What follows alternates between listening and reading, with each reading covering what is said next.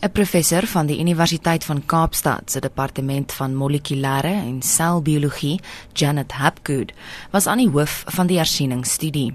Sy sê die voorbehoedmiddel Depo-Provera bevat 'n bestanddeel wat die liggaam se vermoë om infeksie te bestry laat afneem. The active ingredient or MPA, methoxyprogesterone acetate, is a little bit of an outlier amongst the different types of compounds used for contraception. It also has a sort of side effect or cross reacts with the glucocorticoid receptor, which is the receptor for cortisol. The other types of progestins used in contraceptives don't do that.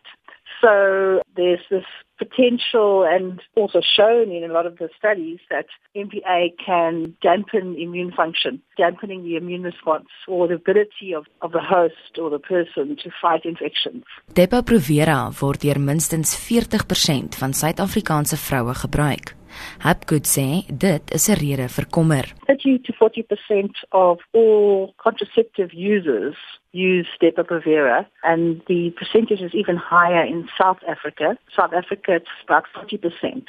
This is a problem that's been receiving attention for many years because the evidence has been accumulating to increase concern. There been many clinical studies done over the last 10 years, but more recently, the quality of the studies has improved and more and more studies are finding an increased risk. Sy voeg by dat die voorbehoedmiddel se gewildheid dit moeilik maak om 'n alternatief voor te stel. You have to balance the risks and the benefits. And if it's the only contraceptive that's available, or if women would choose to use it, then you have to uh, find an alternative that is acceptable. At the moment, it's a randomly controlled clinical trial that's ongoing in several southern African countries, several sites in South Africa, where they are comparing three different types of contraceptives. And the outcome is going to be to look at the difference in HIV acquisition between those three methods.